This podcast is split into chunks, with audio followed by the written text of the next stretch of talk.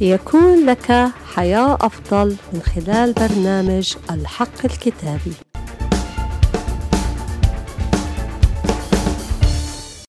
حقيقة اليوم الكتابية بعنوان الوحدة تجلب حضور الله.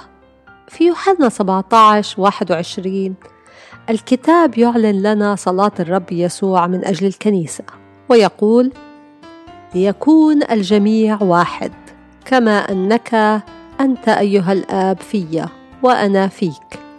ليكونوا هم أيضا واحدا فينا.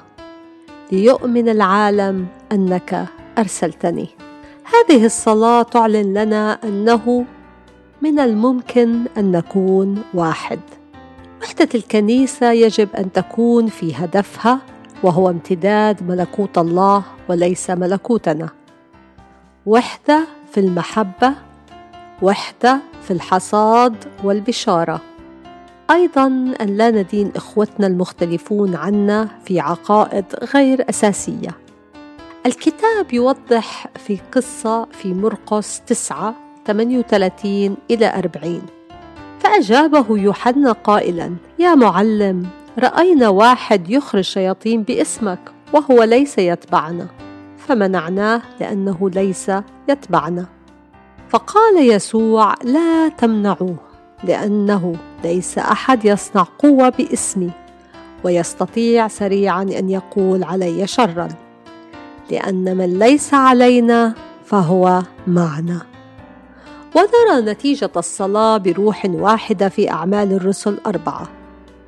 رفعوا بنفس واحدة صوتا إلى الله ولما صلوا تزعزع المكان الذين كانوا مجتمعين فيه. وامتلأ الجميع من الروح القدس. هللويا. وفي مزمور 133 هو ذا ما أحسن وما أجمل أن يسكن الإخوة معا لأنه هناك أمر الرب بالبركة حياة إلى الأبد. خلينا نصلي.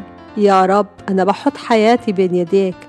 ساعدني لأكون واحد مع إخوتي في الرب وتعطيني الطاقة لأسالم الجميع. وأشكرك يا رب لأنك سمعت واستجبت. باسم الرب يسوع المسيح. آمين آمين. يبارككم الرب في حلقة جديدة من برنامج الحق الكتابي.